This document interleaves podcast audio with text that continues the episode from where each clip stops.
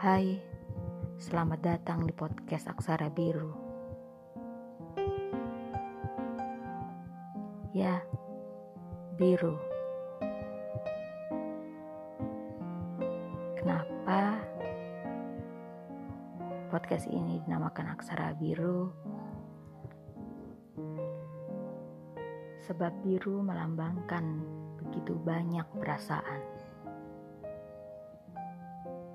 Entah bahagia, kecewa, sedih.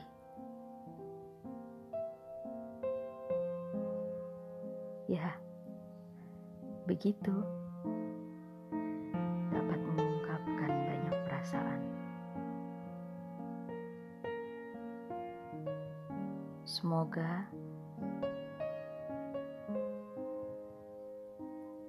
kau temukan suara hatimu di dalam podcastku.